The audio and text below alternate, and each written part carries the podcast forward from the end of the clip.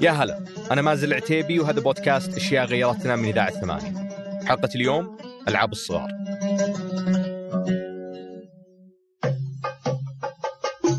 الألعاب المرتبطة بطفولتنا تختلف من جيل لجيل.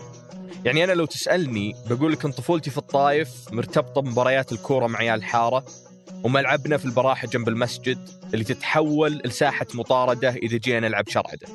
واللي هي لعبة قريبة على الطيرة أو إذا ودكم نأمركها شويتين ونقول تاج بس لو سألت أبوك أو جدك تكتشف أن ألعاب طفولتك تختلف عنهم. واختلاف الألعاب ذا كان له أسباب كثيرة. لو نرجع لزمن الأجداد مثلا بنشوف أن ألعابهم مقتبسة من طبيعتهم أكثر. المرحلة الأولى اللي هي يعني ما كان الناس بيدهم مادة حقيقة فلذلك لجأوا للألعاب هذه اللي قلت لك يخترعونها من الطبيعة. يعني شوف الخرز الأزرة الدبك هذه والمصاقير كانوا يأخذوا من حصى المصقور واحدة من هالألعاب اللي طلعت من الطبيعة كانت لعبة عظيم سرى أو عظيم ضاح وتستخدم فيها عظمة يمسكها واحد من الأطفال ويرميها في أي اتجاه بعيد ووظيفة باقي الأطفال أنهم يلقونها واللي يلقاها يفوز ويصير يرجع لنفس المكان ويرميها. طبعا متى يلعبون بالليل بالليل ودائما يلعبونه الوقت الممتاز اللي يلعبونه بالليل يكون بالقمرة. يعني بليلة 13 14 15 بالأوقات هذه. وهاللعبة كان لها أهازيج وقت البحث عن العظم عشان تعيش الأطفال في الجو. كلهم يرددون ها الانشودة هذه. عظيم ضاح وين دوا وين راح؟ حتى يلقون.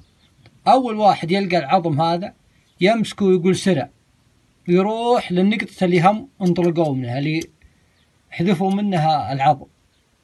يعني يصير الطفل هذا سجل هدف واحد يعني أو نقطة واحدة ويبدأ ياخذ العظم ويرميه باتجاه ثاني. ولعبة عظيم سرى مو هي اللعبة الوحيدة اللي كانت تستخدم العظام في المملكة. عندك لعبة الكبوش اللي كانت تلعب في المنطقة الغربية وكانت مختلفة تماما عن لعبة عظيم سرى الكبوش هذه عبارة عن عظم يجي بمفاصل رجول الغنم. ويجي منها الصغير ويجي منها الكبير. في لعبة الكبوش يرتب اللاعبين قطع العظم الملونة حقتهم في خط داخل دائرة. ثم يبعدون عن الدائرة حوالي مترين ويصير كل واحد يرمي قطعه ويحاول يطلع قطع خصمه خارج الدائرة. وفي كذلك لعبة مقطار اللي لها عدة أسماء زي خطة أو أم ثلاث اللي ممكن فيها شوي شبه من إكس أو بس إنها تستخدم الحصى ويرسمون الشبكة على الرمل مع قوانين مختلفة. ممكن البعض يشوف إن العاب زي عظيم سرى وكبوش تناسب الأولاد أكثر، بس كذلك كان في نصيب البنات من الألعاب القديمة وتعتبر لعبة الخطة أشهر. آه ثمان مربعات تبدأ من واحد تنتهي بثمانية آه طبعا آه تلعب البنت حجر كذا أو آه أو قطعة دائرية أو أي شيء يعني يرموها ثم ترفع رجل وتقفز برجل واحدة. إذا كملت من دون أي سقوط من دون أي تعثر أخذت مربع واحد اللي هو أولى تحطها لها خلاص هذا بيتها. إذا وصلت له يعني ترتاح. كأنها يعني زي ما تقول غيرها لا لازم يقفزها يعني هالنقطه هذه لكن هي ترتاح فيها. المربع اللي يكون من نصيب البنت الفايزة يصير ما هو مسموح لأي بنت تنط عليه وهذا اللي يصعب اللعبة على البنات ويزيد من مستوى التحدي بينهم. خلال بحثنا لقينا مقالات عن لعبة البربر اللي كانت تلعب في المنطقة الغربية وكانت شبيهة بفكرة الخطة مع اختلاف القوانين وترتيب المربعات اللي ذكر منصور. ولو بنرجع لفكرة الألعاب المستوحاة من طبيعة الحياة فنقدر نلاحظ أن مع المدنية وجلوس الأطفال في البيت أكثر ظهرت أشكال جديدة من الألعاب تعتمد على المحاكاة زي الأطفال اللي يحاولون يقلدون آبائهم وأمهاتهم وطبيعة الحياة الأسرية. أه تسويها في الغالب يسوونها الأبناء والبنات يعني بس في الغالب يعني دائما البنات يحرصوا عليها. كذلك اللي يحرصوا عليه كثير كثير المواعين والطبخ. فكانوا ما فيه طبعا ألعاب وتروح تشتري من المحلات لا كان فيه يأخذوا المعلبات الغذائية هذه الفارغة ويسووا فيها هذه قدر الرز وهذا المكرونة إذا كان في مكرونة طبعا. وبعدين الجارة هذه تعطي جارتها. ولو جينا نقارن محاكاة الأولاد بالبنات بتشوف فكرتهم كانت بيروقراطية ومتأثرة بخروجهم مع أباهم أكثر. يلعبوا لعبة مثل لعبة العائلة لكن لعبة مكاتب. أنا أرسل لك معاملة وأنت ترسل وهذا يكتب كذا وهذا المراسل. الولد الصغير دائما مراسل. الأخ الكبير دائما هو المدير العام أو الوزير أو الوكيل الوزارة زي كذا.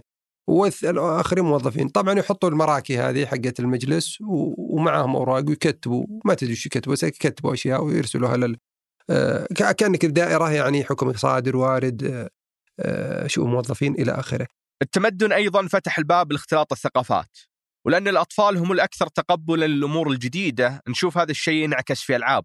زي لعبة اسمها صبحكم بالخير يا العمال العمالية واللي يوقف فيها الأطفال صفين قدام بعض ويرددون أهازيج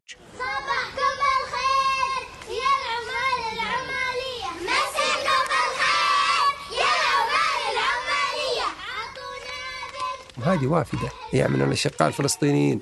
لما كانت المدرسات في فترة الستينات والخمسينات والسبعينات كذلك آه، معظمهم كانت من الفلسطينيات. فكانت آه، يلعب بناتها مع بنا مع جاراتها وذا فكان هم اللي يعطينها ال- الهازيج هذه. فشوف ال- الهزوجة الفلسطينية واضحة. التداخل الثقافي يأثر كذلك في مناطق ثانية زي الحجاز اللي بطبيعتها كانت مكان التقاء ثقافات كثيرة. لأنه إذا جو ال- بدي- بالعالم الإسلامي كله في الحجاز. يمكن فترة طويلة أطفالهم يلعبوا مع أطفالنا. مثلا عندك لعبة نط الحبل شبرة قمرة شمس نجوم اللي كلماتها غالبا ترجع لهجة الشامية. واللي احتمال الأطفال في الحجاز تعلموها من أطفال حجاج الشام وصارت بعدين جزء من أهازيج الأطفال في المنطقة واللي انتقلت بعدها لمناطق ثانية.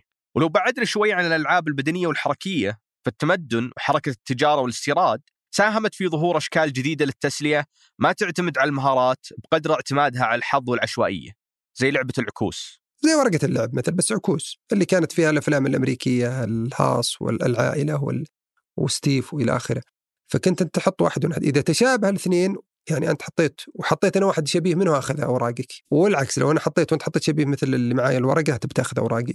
لعبة العكوس وبحسب فهمنا وبحثنا كانت تعتمد على صور الممثلين الامريكيين مشهورين، الصور اللي كانت تجي في بعض المعلبات أو علب الألعاب، وتلعب زي الورق أو الكوتشينة بحيث إنك إذا رميت ورقة وأنا رميت ورقة مشابهة لها آخذ كل الورق اللي تحت.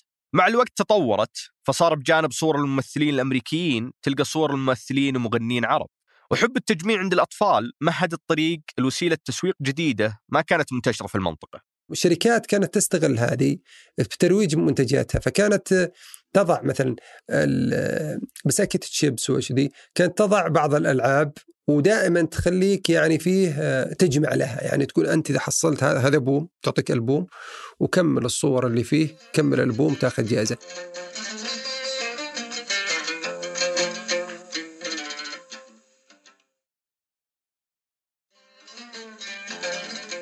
قبل فاصل تكلمنا عن الشركات اللي كانت تستغل الألعاب في الترويج لمنتجاتها. وبحسب كلام منصور ففي شركة كان لها الأسبقية في هالمجال. اللي هي RC تكلمنا عن شركة RC RC Cola وضربت حملة مهولة ضربت يعني حملة حملة آه خليني أقول لك بأساليب الحملات الإعلانية والإعلامية الحالية الحالية اللي بعد ال social media إيش سوت؟ سوت مسابقة كبيرة وقالت عندك عشر جوائز. كل علبة من ال RC تفتحها بتلقى مو كلها طبعا بعضها. إذا إذا حصلت رقم آه، في عندك من واحد خلينا بقول إلى ستة أو إلى خمسة. واحد بيجيك الصحن الدوار. هذا جزء من الثقافة السعودية صارت كل فترة. آه، اثنين بيجيك مثلا آه، قبوع كذا. ثلاثة بيجيك تيشيرت آه، أربعة بيجيك قلم ساعة. قلم ساعة ذيك الأيام إلكترونية. ورغم كل الوعود الجميلة الا ان الجملة اللي كان أغلب الشعب يشوفها إذا قلب غطاء الأرسي كولا هي حاول مرة أخرى. ولما بحثنا في تاريخ هالشيء لقينا كم واحد على تويتر يتذكرون ذيك الأيام. واحد منهم يقول هاللعبة تسببت بانتشار مرض السكر من كثر علب الكولا اللي كانت تنباع وقتها. تلقون روابط التغريدات في ملاحظات الحلقة. بس الآن خلونا نرجع للألعاب مرة ثانية واللي صار شرائها مقبول أكثر في المجتمع. فصاروا الأهل يشترون لعيالهم ألعاب من فترة لفتره. هذا التغير في العادات غير من شكل أماكن الشراء. أنت بتاخذ الألعاب أول الألعاب تاخذها من الدكان.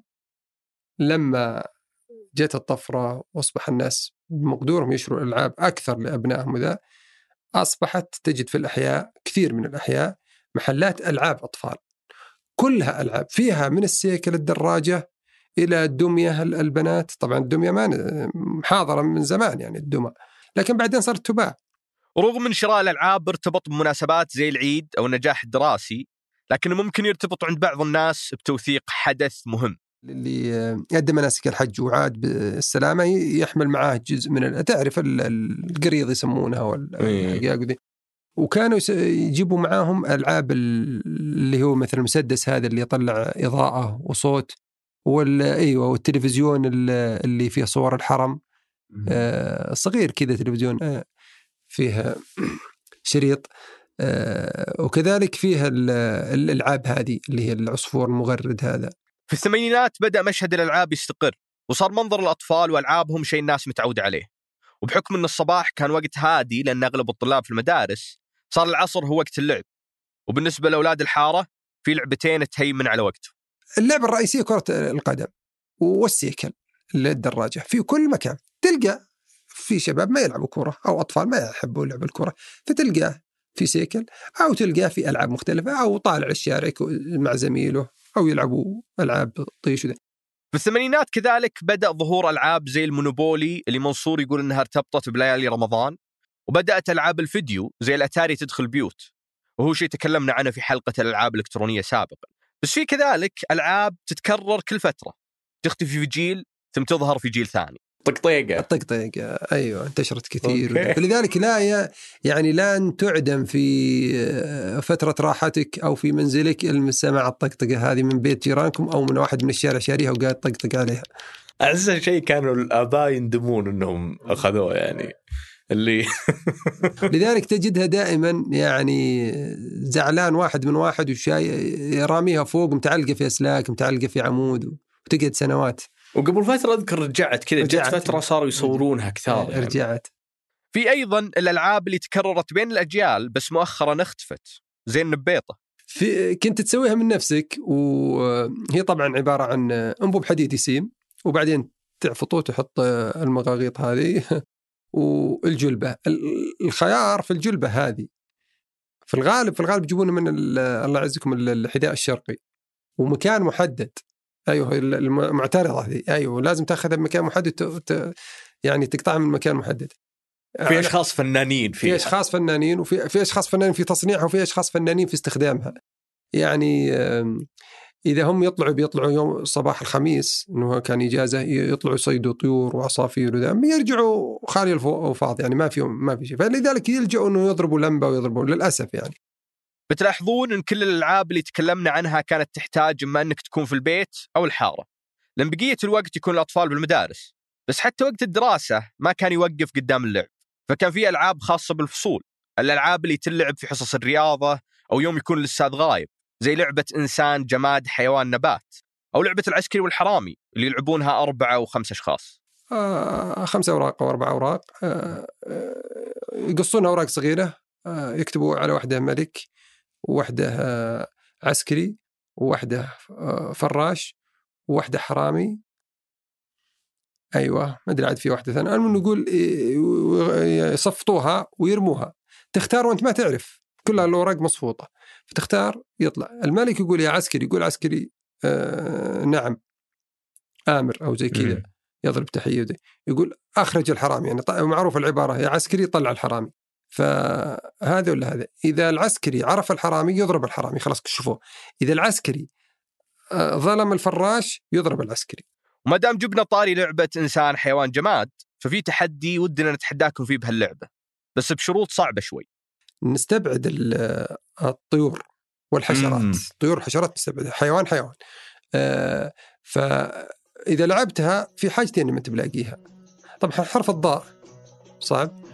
وفيه الحيوان بحرف الياء. لن لن تجده.